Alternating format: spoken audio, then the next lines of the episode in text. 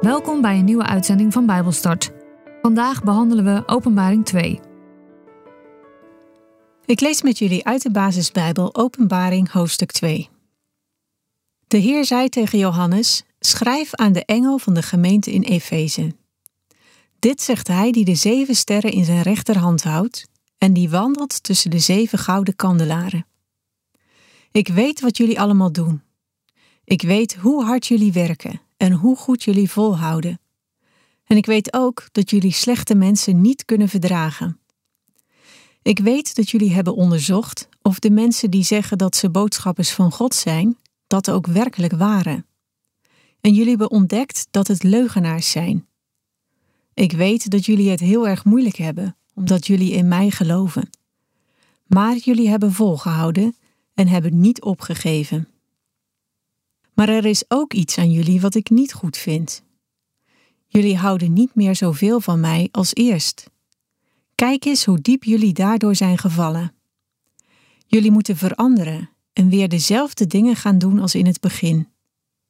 Maar als jullie niet veranderen, zal ik komen en jullie kandelaar van zijn plaats weghalen.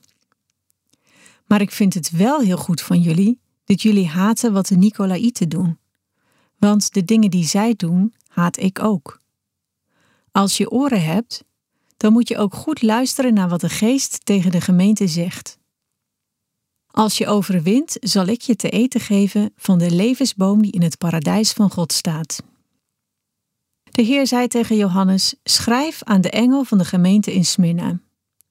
Dit zegt hij, die de eerste en de laatste is, en die dood is geweest en weer levend is geworden. Ik weet wat jullie allemaal doen. Ik weet dat jullie vervolgd worden en daardoor arm zijn. Maar toch zijn jullie rijk. En ik weet dat de Joden slechte dingen over jullie zeggen die niet waar zijn. Die mensen noemen zich wel Joden, maar in werkelijkheid zijn ze dienaren van de duivel. Wees niet bang voor wat jullie zullen moeten lijden. De duivel zal sommigen van jullie in de gevangenis gooien in de hoop dat jullie je geloof zullen opgeven. Tien dagen lang zullen jullie worden verdrukt.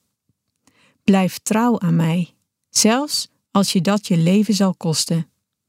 Dan zal ik jullie de levenskroon geven. Als je oren hebt, moet je ook goed luisteren naar wat de geest tegen de gemeente zegt. Als je overwint, zul je niet meer met de tweede dood te maken krijgen. De Heer zei tegen Johannes: Schrijf aan de engel van de gemeente in Pergamum. Dit zegt hij die het vlijmscherpe zwaard heeft.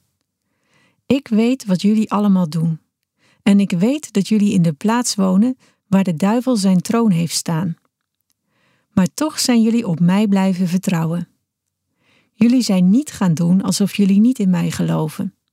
Ook niet toen mijn trouwe dienaar Antipas werd vermoord in de plaats waar de duivel zijn troon heeft staan. Maar ik vind het niet goed van jullie dat er bij jullie in de gemeente mensen zijn die leven volgens de ideeën van Biliam. Biliam leerde koning Balak hoe hij ervoor kon zorgen dat het volk Israël van God zou afdwalen. Hij zorgde ervoor dat het hele volk Israël ging meedoen met het aanbidden van afgoden en de mannen met allerlei vrouwen naar bed gingen. Op dezelfde manier zijn er in jullie gemeente mensen die leven volgens de ideeën van de Nicolaïten. Maar ik haat wat de Nicolaïten doen. Jullie moeten daarmee ophouden en weer gaan leven zoals ik het wil. Als jullie dat niet doen, zal ik komen en tegen hen strijden met het zwaard van mijn mond. Als je oren hebt, moet je ook goed luisteren naar wat de geest tegen de gemeente zegt. Als je overwint, zal ik je te eten geven van het geheime manna het geheime brood uit de hemel. En ik zal je een witte steen geven, met daarop een nieuwe naam. Niemand anders dan jij zal die naam weten. De Heer zei tegen Johannes: Schrijf aan de engel van de gemeente in Thyatira. Dit zegt de Zoon van God, die ogen heeft die vlammen als vuur, en voeten die lijken op gloeiend koper. Ik weet wat jullie allemaal doen. Ik weet hoeveel jullie van mij houden. Ook weet ik hoe groot jullie geloof is en hoe jullie volhouden om mij te dienen. En ik weet dat wat jullie nu doen beter is dan wat jullie vroeger deden. Maar ik vind het niet goed van jullie dat jullie de vrouw Izebel haar gang laten gaan. Ze zegt dat ze namens mij spreekt, maar ze leert mijn dienaren heel verkeerde dingen. Ze probeert de mensen ontrouw te maken aan mij. Ze haalt mijn dienaren over om offers te gaan brengen aan de afgoden. Ik heb haar de tijd gegeven om hiermee te stoppen en te gaan leven zoals ik het wil. Maar ze wil niet. Daarom zal ik haar ziek maken. En alle mensen die met haar meedoen, zullen in grote moeilijkheden komen als ze niet stoppen met wat ze doen. Ik zal hen zelfs doden. Zo zullen alle gemeenten weten dat ik de mensen door en door ken. En ik zal iedereen geven wat hij heeft verdiend met wat hij gedaan heeft. Maar er zijn ook mensen in Thyatira die niet naar haar hebben geluisterd. Zij hebben niet meegedaan met de duivelse dingen die de anderen deden. Hun geef ik geen nieuwe opdracht. Tegen hen zeg ik alleen dit: Houd vast aan het geloof dat jullie hebben, totdat ik terugkom. Als je overwint en mij tot het einde toe gehoorzaamt, zal ik je macht geven over de ongelovigen. Je zal streng over hen heersen, als met een ijzeren staf. Je zal hen vernietigen als een kruik die je stuk breekt. Je zal dezelfde macht hebben die de Vader aan mij heeft gegeven. En ik zal je de morgenster geven. Als je oren hebt, moet je ook goed luisteren naar wat de Geest tegen de gemeente zegt.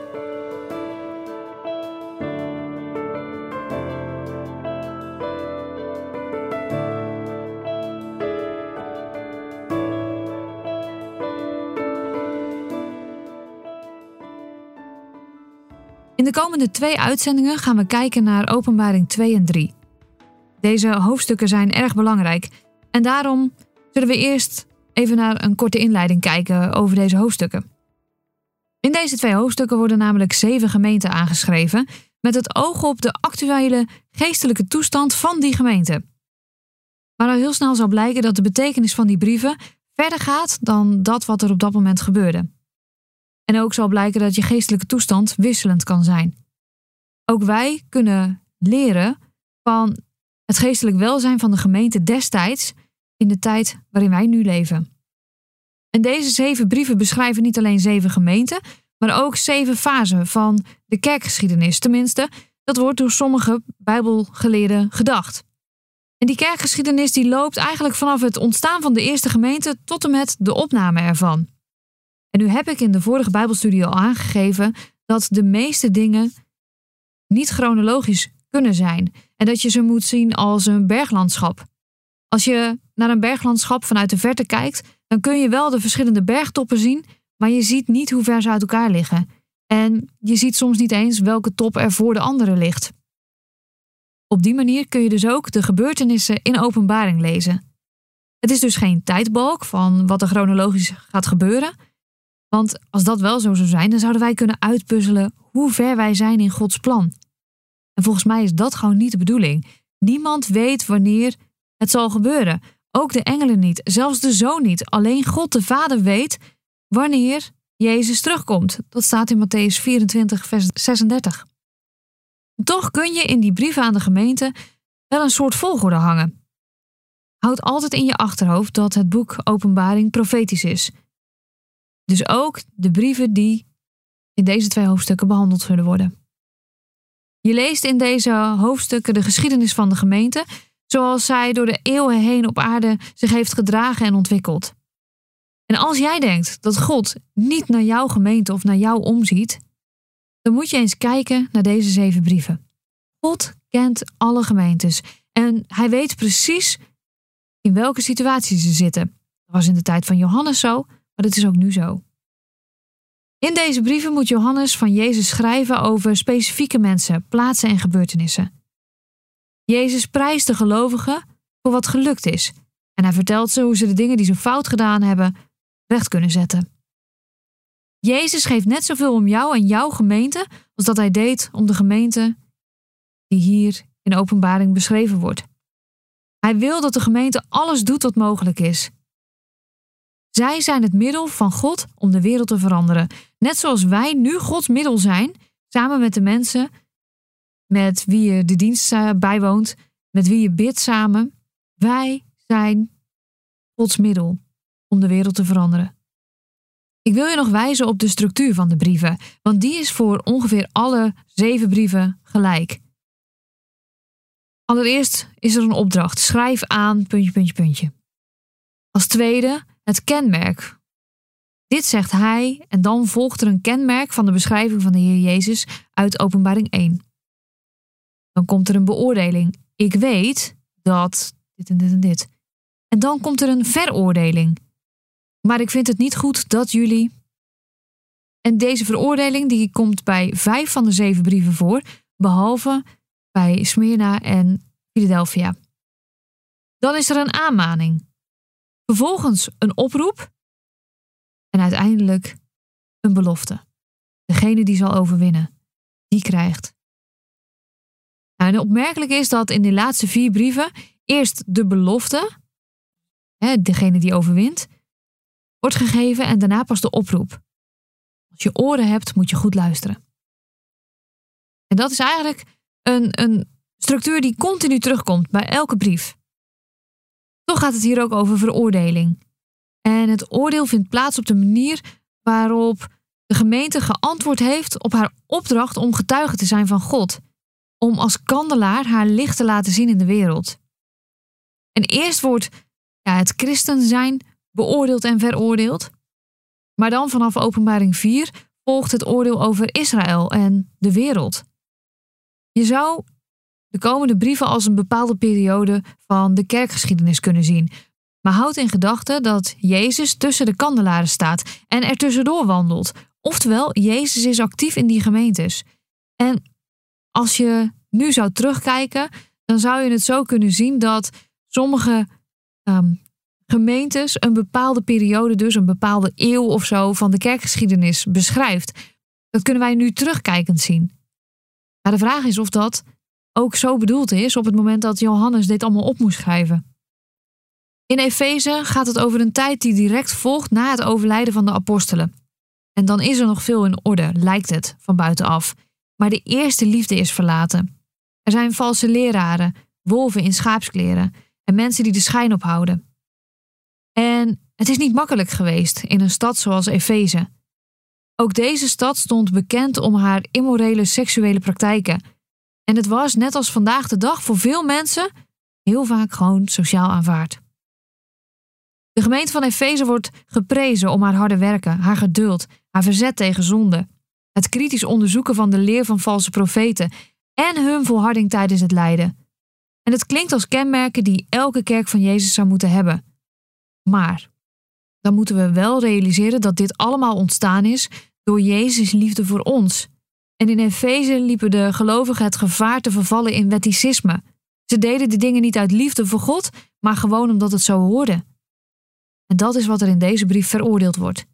God ziet welke dingen de gemeente allemaal doet en hij prijst hen daarvoor, maar hij benadrukt heel erg duidelijk dat ze hun eerste liefde zijn kwijtgeraakt. En dat ze nu de dingen om de verkeerde redenen doen. De tijd van Smyrna, dat betekent bitterheid, komt overeen met de tijd van de christenvervolging door de Romeinen. Er hebben tien vervolgingen plaatsgevonden onder tien verschillende Romeinse keizers. Het is mogelijk dat daar de verdrukking van de tien dagen uit Openbaring 2, vers 10 opwijst. Aan het einde van de tweede en derde eeuw vonden die plaats. Andere Bijbeluitleggers beperken zich tot echt letterlijk tien dagen, een proefperiode van tien dagen die in Daniel beschreven wordt. Maar we moeten ervan bewust zijn dat er een verschil is tussen beproevingen die we ondergaan door onze eigen verlangens en zonden en beproevingen die God toelaat. Smyrna werd ook wel de haven van Azië genoemd en het lag ongeveer 40 kilometer boven Efeze. Het had een goede haven en in de stad waren er twee grote vijanden voor christenen. Aan de ene kant de Joden, die verzetten zich heftig tegen de christenen, en aan de andere kant de niet-Joden. Die zetten vol in op um, het eren van de keizer. En alles wat in de weg stond moest opgeruimd worden. En Jezus prijst deze inwoners voor hun volharding en geloof, ondanks alle vervolging. En als je dus in moeilijke tijden leeft, keer je dan niet af van God. God geeft geen vervolging. Ja, het is een gevolg van het volgen van Jezus. Maar het is niet zo dat God denkt, nou laten we die maar eens even vervolgen. Want misschien blijven ze dan wel volhouden. Waar mensen God dienen, daar is vervolging. Want het kwaad kan het niet hebben dat wij in God geloven en blijven geloven. Wij mogen leren dat we in afhankelijkheid van God mogen blijven leven en ons vertrouwen op Hem te stellen. En dan zullen we daarvoor beloond worden, net zoals de gemeente van Smyrna. Ook de tijd van Pergamum wordt aan de ene kant gezien als de periode van de komst van de keizer Constantijn.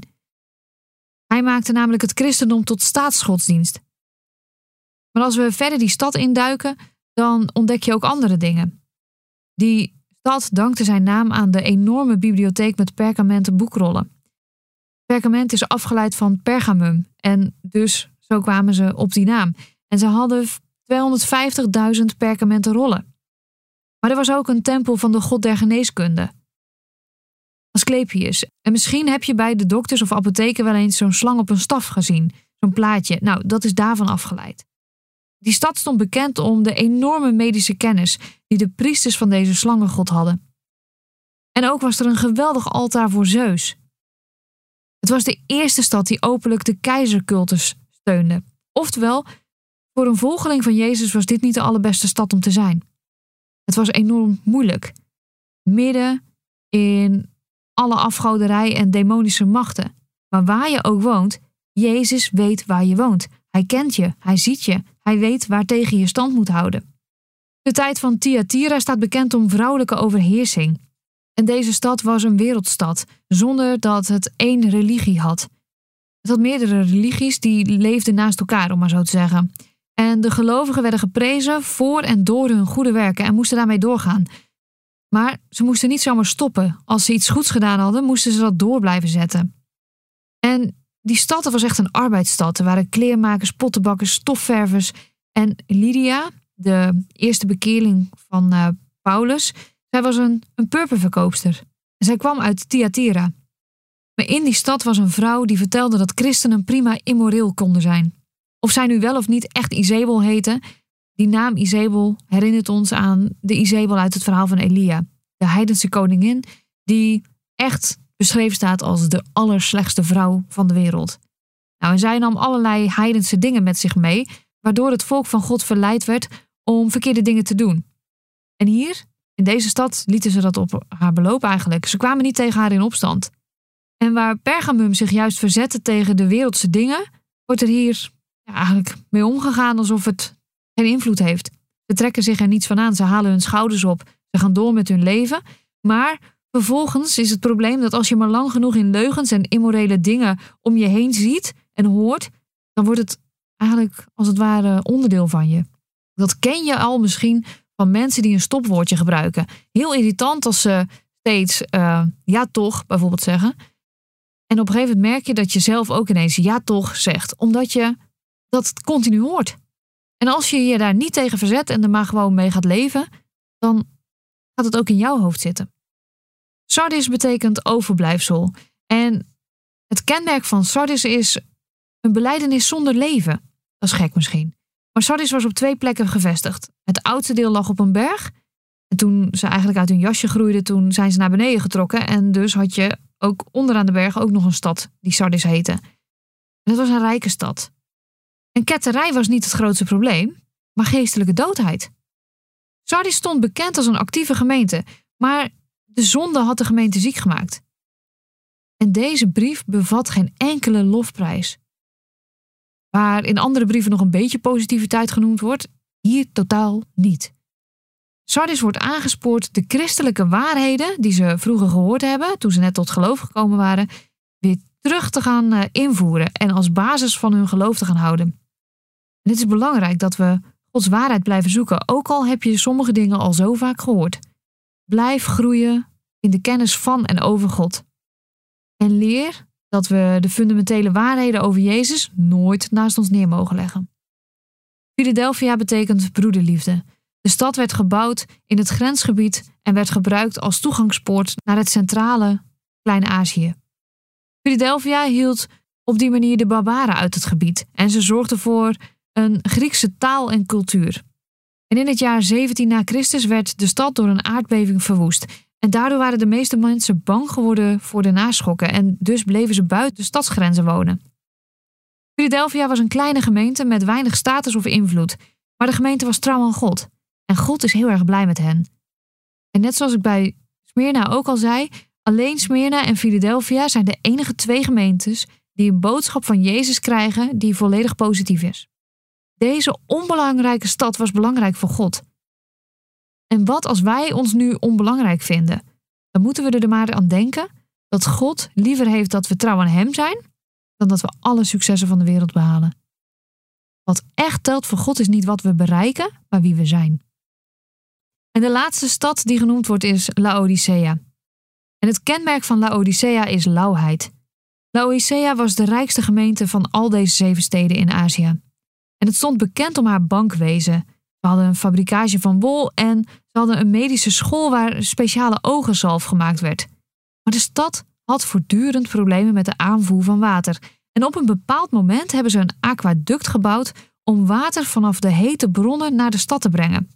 Maar tegen de tijd dat het water bij de stad kwam, was het niet meer warm of heet, maar het was ook niet verfrissend koud. Het was lauw. En de gemeente was net zo lauw geworden als dat lauwe water van die stad. Ik vind lauw water echt niet heel erg lekker. Um, ik ken genoeg mensen die s ochtends vroeg op de nuchtere maag een glaasje lauw water drinken, maar ik vind het niet lekker. En doordat de gemeente van Laodicea lauw geworden was, was het dus onsmakelijk geworden. De gelovigen stonden nergens meer voor. Ze waren compleet onverschillig geworden. En ze waren bezig met zichzelf te vernietigen, omdat ze hard en zelf ingenomen waren geworden. Ze hadden niets meer over om iets voor een ander te doen of voor Jezus te doen. En ik heb het in Bijbelstart wel eens vaker gehad over de welvaartsleer. Dat betekent dat alle welvaart die je hebt een directe zegen van God is. En dat als je maar hard genoeg bidt, dat je het dan wel krijgt. Nou, ik begrijp dat dit natuurlijk echt veel te kort door de bocht is om welvaartsevangelie uit te leggen. Maar ik geloof zeker namelijk dat God ons wil zegenen met de dingen die we nodig hebben. Maar hoeveel geld je ook verdient en hoeveel geld je ook bezit, je hebt er niets aan als je geen levende relatie met God hebt. Deze stad stond bekend om enorme rijkdom. En Jezus vertelt dat ze het goud van hem moesten kopen. De stad was trots op haar kleding en haar, verfbedrijven. Maar Jezus vertelt ze dat ze naakt zijn en dat ze van hen witte kleren moeten kopen. Deze stad prijst zichzelf omdat ze zo'n kostbare en bijzondere ogenzalf heeft, die zoveel oogproblemen heeft genezen. Maar Jezus zegt ze dat ze medicijnen van hem moeten krijgen, want ze zijn blind. En door het medicijn van hem zullen zij de echte waarheid zien. Jezus laat zien dat echte waarheid niet in materiële dingen zit, maar alleen in een goede relatie met God. Weet je, Jezus weet waar je woont. Je zou deze steden en hun manier van leven met jouw eigen leven kunnen vergelijken. En misschien voel je je wel in een situatie zitten waarin je moet lijden en voel je je als een stad. Voel je je eenzaam omdat je in een onchristelijke omgeving zit waar mensen je afkeuren. Laat me je dan bemoedigen met die teksten die hier in deze brief geschreven staan. Waar je ook woont. Jezus weet waar je woont. Hij weet in welke situatie je zit en hij komt je tegemoet.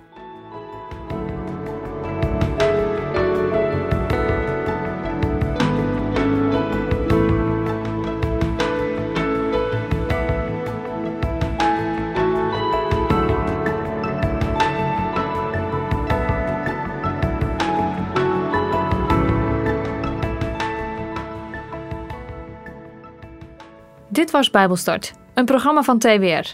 Het is gebaseerd op het Amerikaanse programma Through the Bible, ook wel TTB genoemd. En deze uitzending is een samenvatting van twee afleveringen.